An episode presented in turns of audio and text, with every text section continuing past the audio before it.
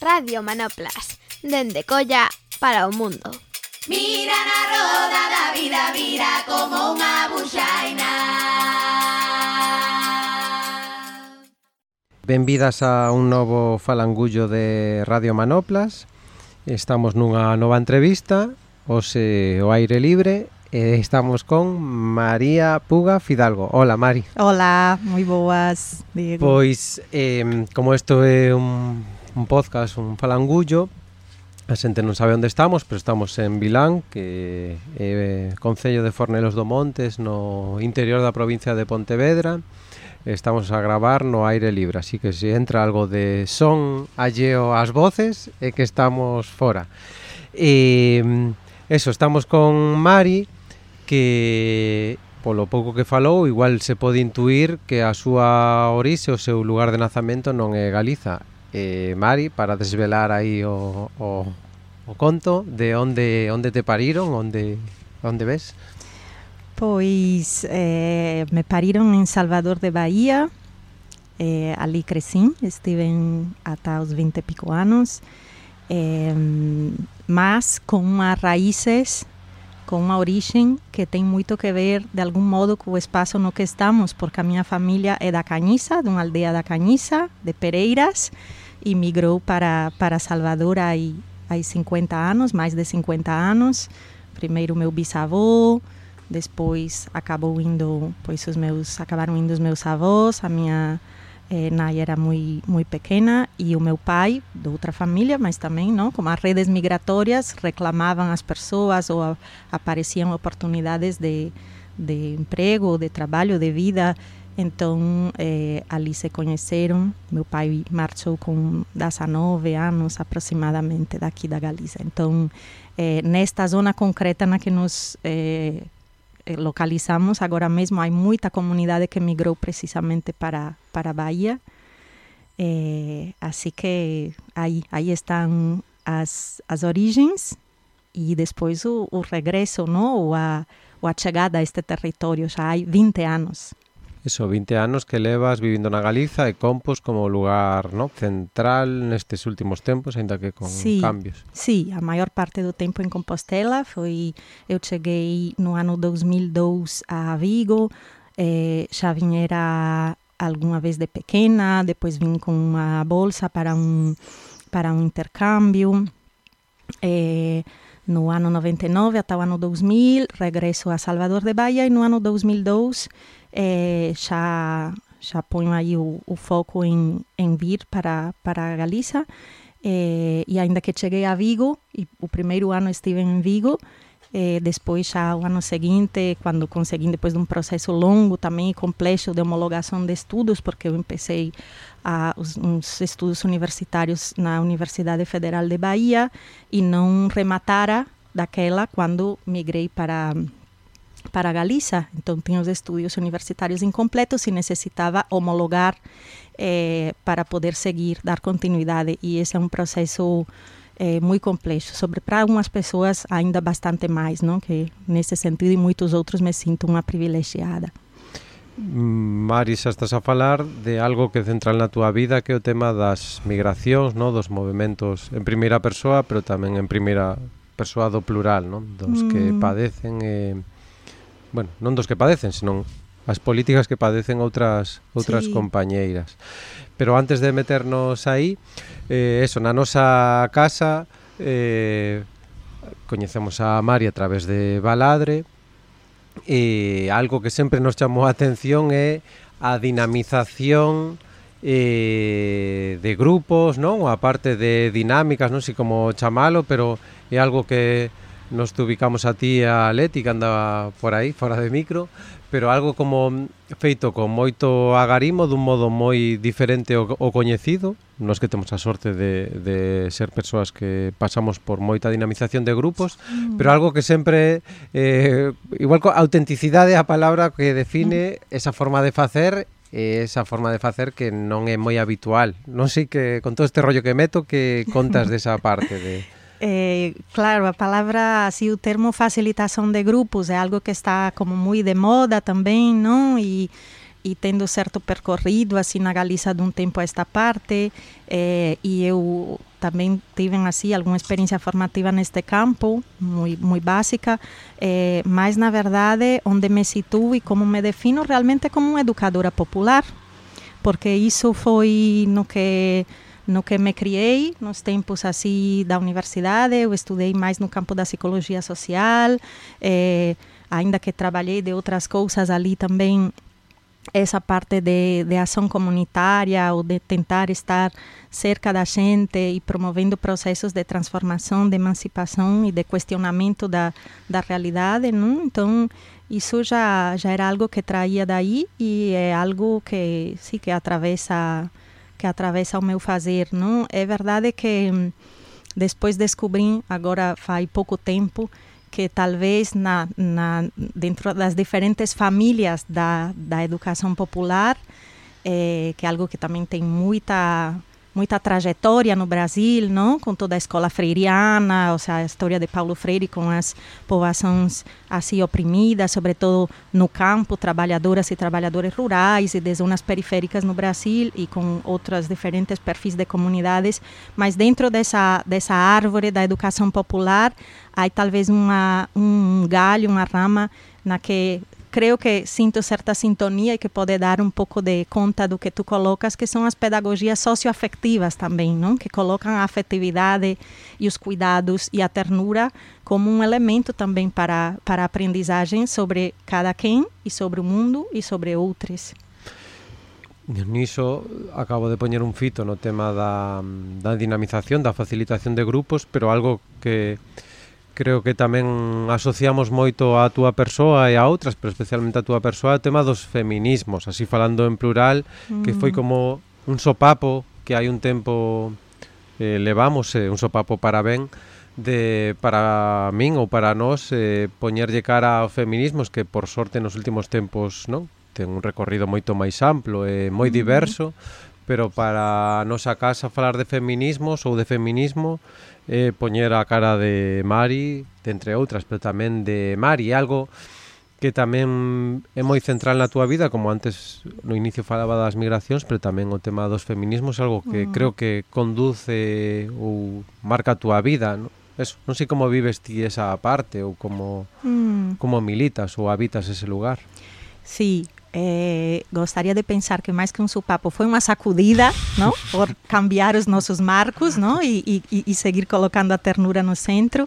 É, mas, mas sim, e penso que tem muito que ver com essa parte também pedagógica, não? Ainda que eu estudei psicologia social, como dizia antes, a parte da educação e da educação para transformação, para emancipação sempre me atraiu muito. Eu creio que é a minha verdadeira vocação realmente. É, nunca foi a parte clínica. Então, nesse sentido, pois buscar eh, maneiras de compreender aquilo que eu sentia, não? essas desigualdades, essas incomodidades, esses malestares, o feminismo, nesse sentido, eh, abriu, me abriu portas e janelas para compreender-me, para compreender coisas que eu sentia, que vivia, que experimentava eh, e que me incomodavam e que me pareciam profundamente injustas, cara a mim, cara a outras, não? E, e esse foi, realmente foi uma janela que se abriu também para estar no mundo e fazer no mundo desde outro lugar, não? Um lugar eh, no que questionar as desigualdades de gênero, como somos construídas as pessoas em base aos mandatos, não? Do que é ser é, uma mulher do que é ser um homem, daquela não tem a compreensão das identidades plurais fora desse binômio, não dessa coisa de mulher ou homem. Hoje me, me, me situo em outro lugar, entendendo que as identidades e os corpos são muito diversos e plurais e não podemos seguir falando só de homens e, e de mulheres.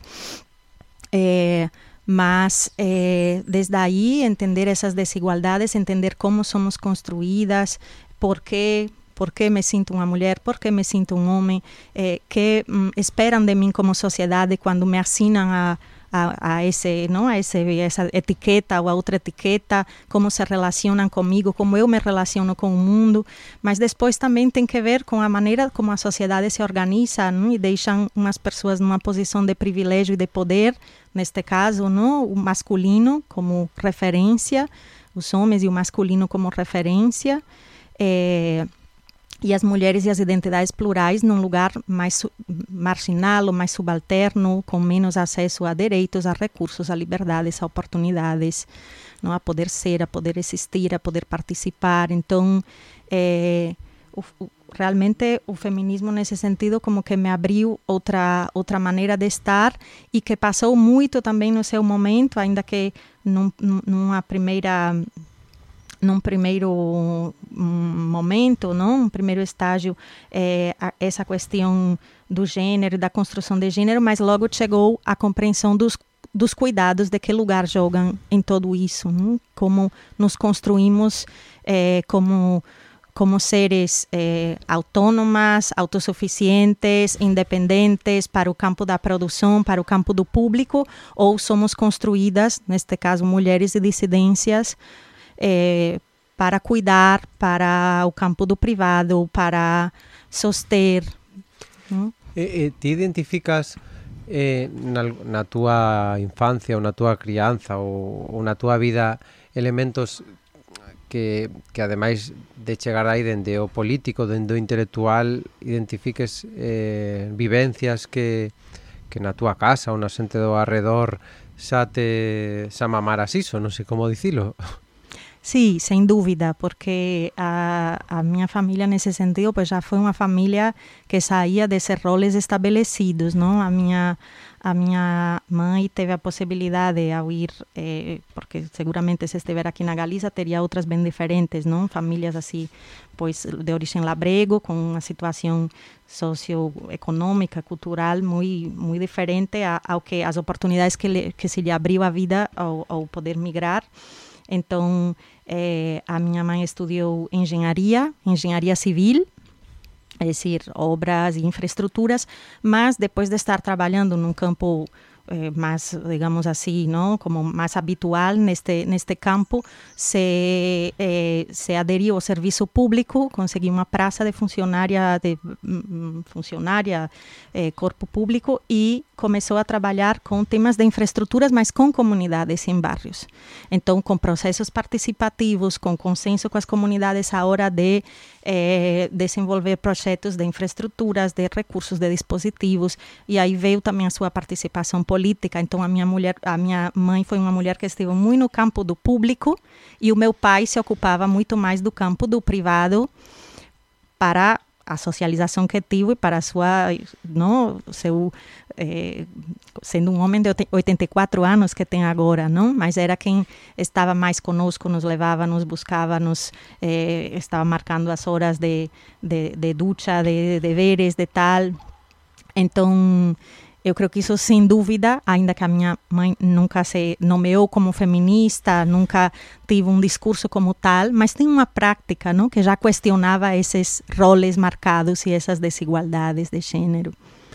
E despois pensaba agora que ti habitas moitos lugares eh, colectivos moi politizados, nas que por desgraza, como vivimos na sociedade machista patriarcal, tamén aínda que ás veces non o non nos etiquetemos así, tamén hai moitas condutas patriarcais machistas, pero algo que tamén sempre eh, celebrei ou celebramos foi que tines ese espazo sempre eh, pulaches por falar con claridade de colocar o tema de como estamos, non? E tamén de cuestionar os privilexios que tamén operan ou tamén existen nos nosos colectivos que ás veces por pensar que temos unha certas etiquetas estamos vacinados de non de, deses males. É algo que eu creo que agradecemos que compartimos contigo que o fas expreso que tamén o colocas en no medio da tarefa ou, ou, sí, ou da loita para tamén dende aí avanzar ou movernos cara a outros lugares, non? Mm. Entendo que algo que non podes non facelo, pero que o fas.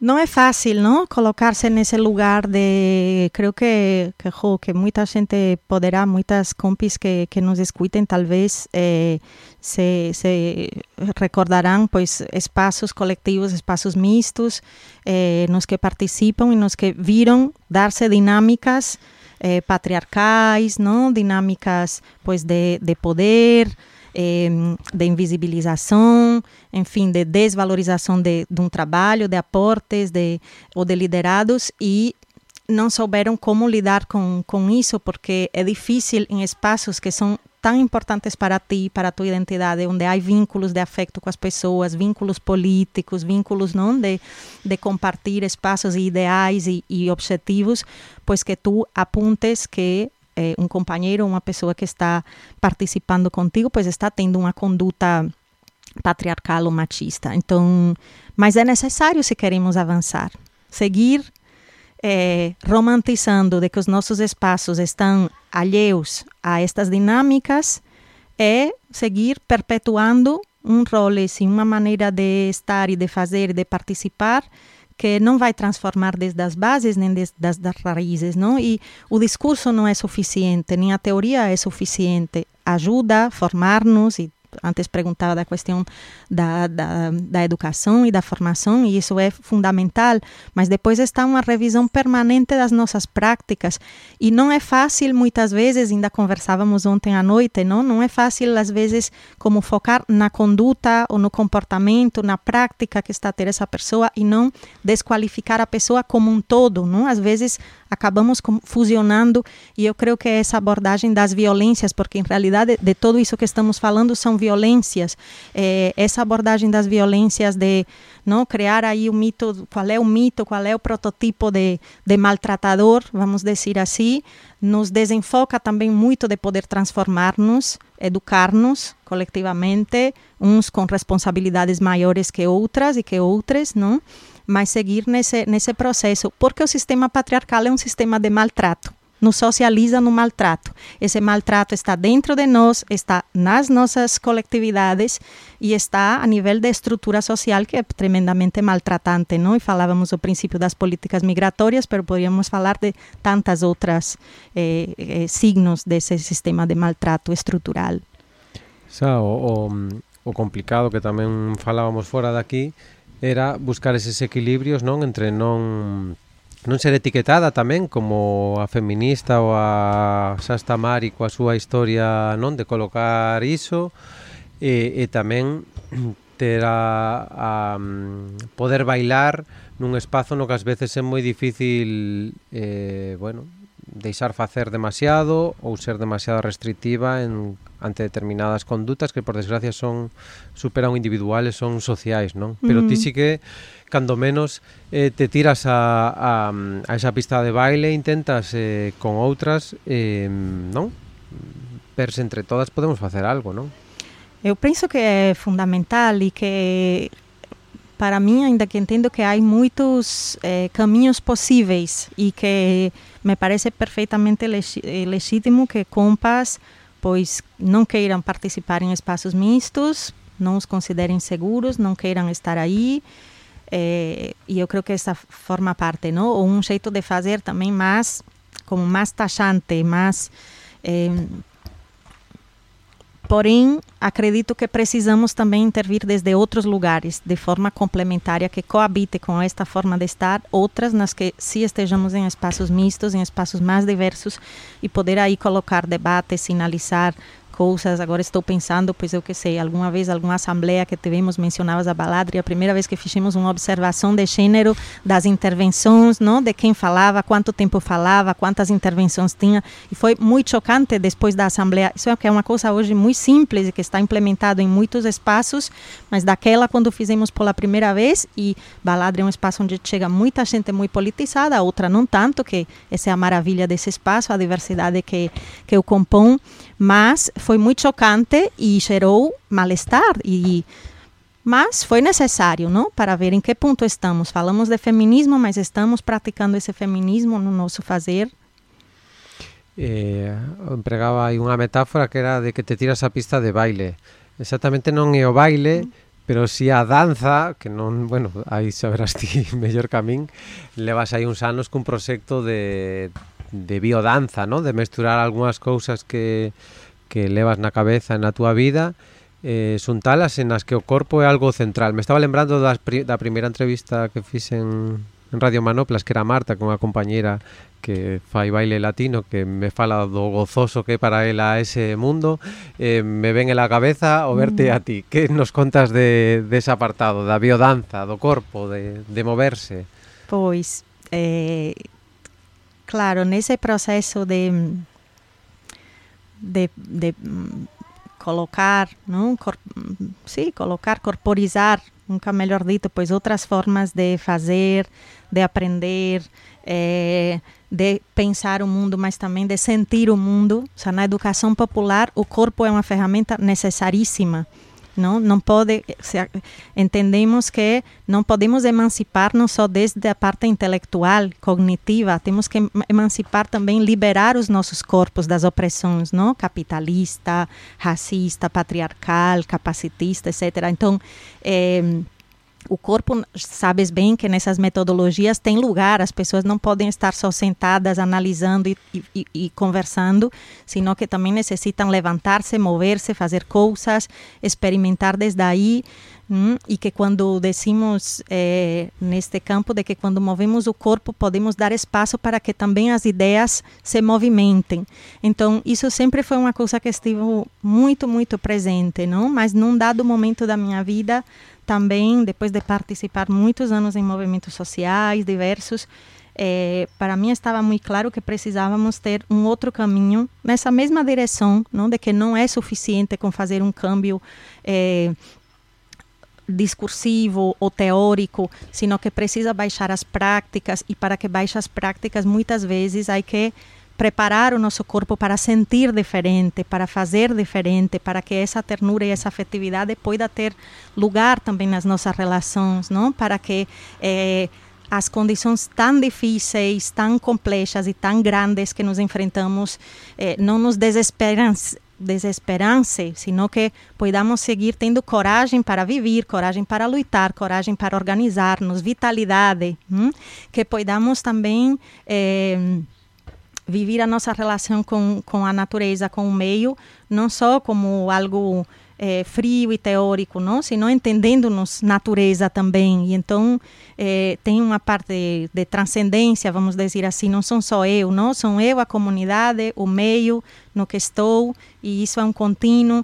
E para mim tudo isso hum, tinha lugar é, dentro de um sistema que é a biodança, não? um sistema que foi criado por Rolando Toro, um chileno nos anos 60, é, que começou seu trabalho em, em, instituições psiquiátricas e depois se deu conta de que hum, todo mundo está enfermo de civilização, não? dessa civilização que está enferma porque é de maltrato. Então, é, desde essa compreensão, começa a trabalhar com a música e com o movimento, não só nesses espaços é, institucionais, sino é, fora, em outro tipo de, de espaços e e então concibe um sistema no que a música, o movimento e o grupo possibilizam, não? catalisam cambios nas pessoas de autoconhecimento, de relacionar-nos de forma diferente entre nós, de relacionar-nos de forma diferente com o meio, de sentir-nos pois com uma saúde, eh, saúde num sentido muito amplo da palavra, não? saúde eh, emocional, física, eh, social, eh, espiritual nesse sentido de transcendência que falávamos antes, de que não são só eu e o meu mundo, sino que são parte de algo muito mais amplo. É, a capacidade de gozar, que falavas agora de, dessa entrevista, que me pareceu maravilhosa, e como a dança nos é, abre para sentir prazer com coisas da vida cotidianas, não? E construir uma vida desde a coragem, desde a vitalidade, desde o prazer, também desde a vulnerabilidade, que é algo muito importante que tem que ver com os cuidados e com o feminismo na minha vida, e eu creio que nos espaços que, nos que participo, não? colocar a vulnerabilidade como uma condição necessária para transformar as relações entre nós, porque nos assumimos como seres precisados de cuidados, receber, dar, eh, consensuar. Então, a biodança, eh, nesse sentido, é uma ferramenta mais para mim política, uma ferramenta política que entra aí no cruze também entre o profissional, mas também eh, como uma ferramenta mais dessa caixa para acionar-me e acionar-nos politicamente para uma transformação de valores. Eh, antes de gravar falaba de que íamos outro tema iba a ser o, o racismo ou a loita anticolonial pero xa estamos preto dos 25, entón o deixamos aí para se noutra ocasión temos posibilidade eh, enumerar eses temas. Estaba pensando escoitar que por sorte para o noso mundo moitas das cousas que nos escoitamos da túa boca agora, sobre todo no mundo dos feminismos, agora son algo máis mainstream, máis mayoritario.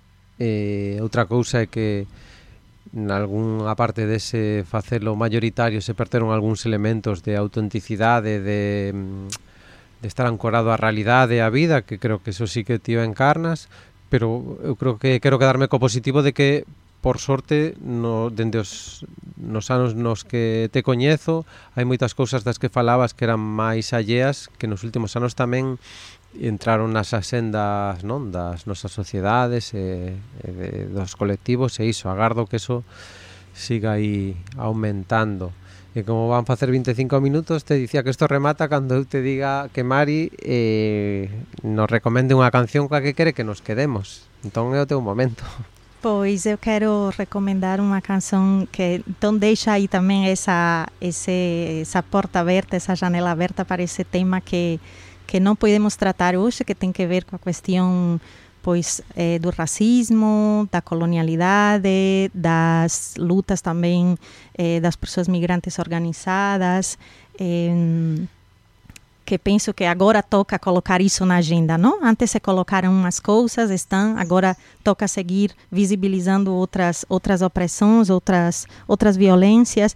E então quero recomendar uma canção que se chama Um Corpo no Mundo, é uma canção de uma compositora e cantora de Salvador de Bahia, é, afro-baiana, chama-se Luede Luna.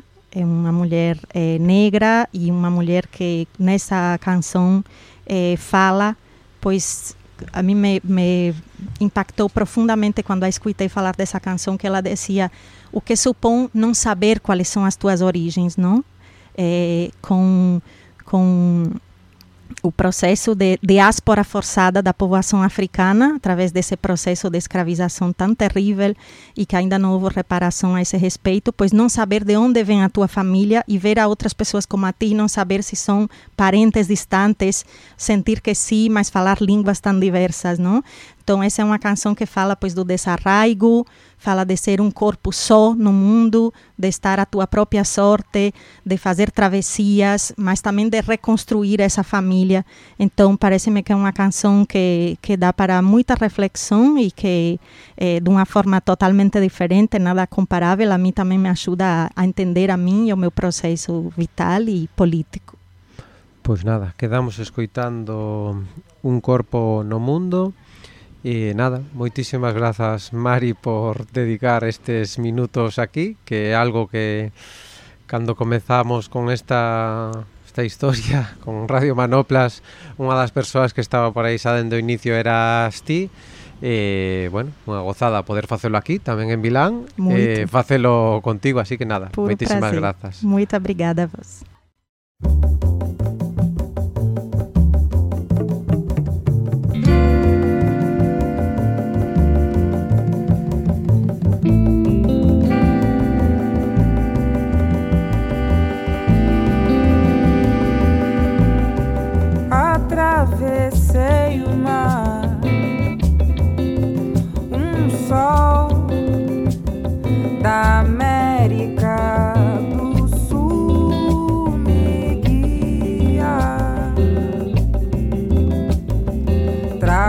Amalade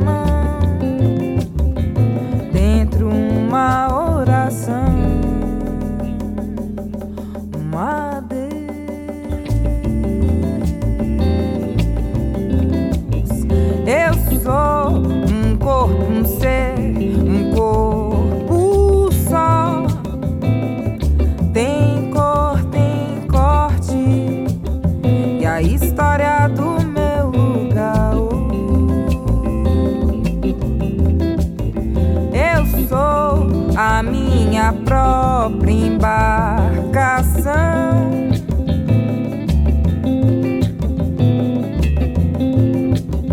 Sou minha própria sorte.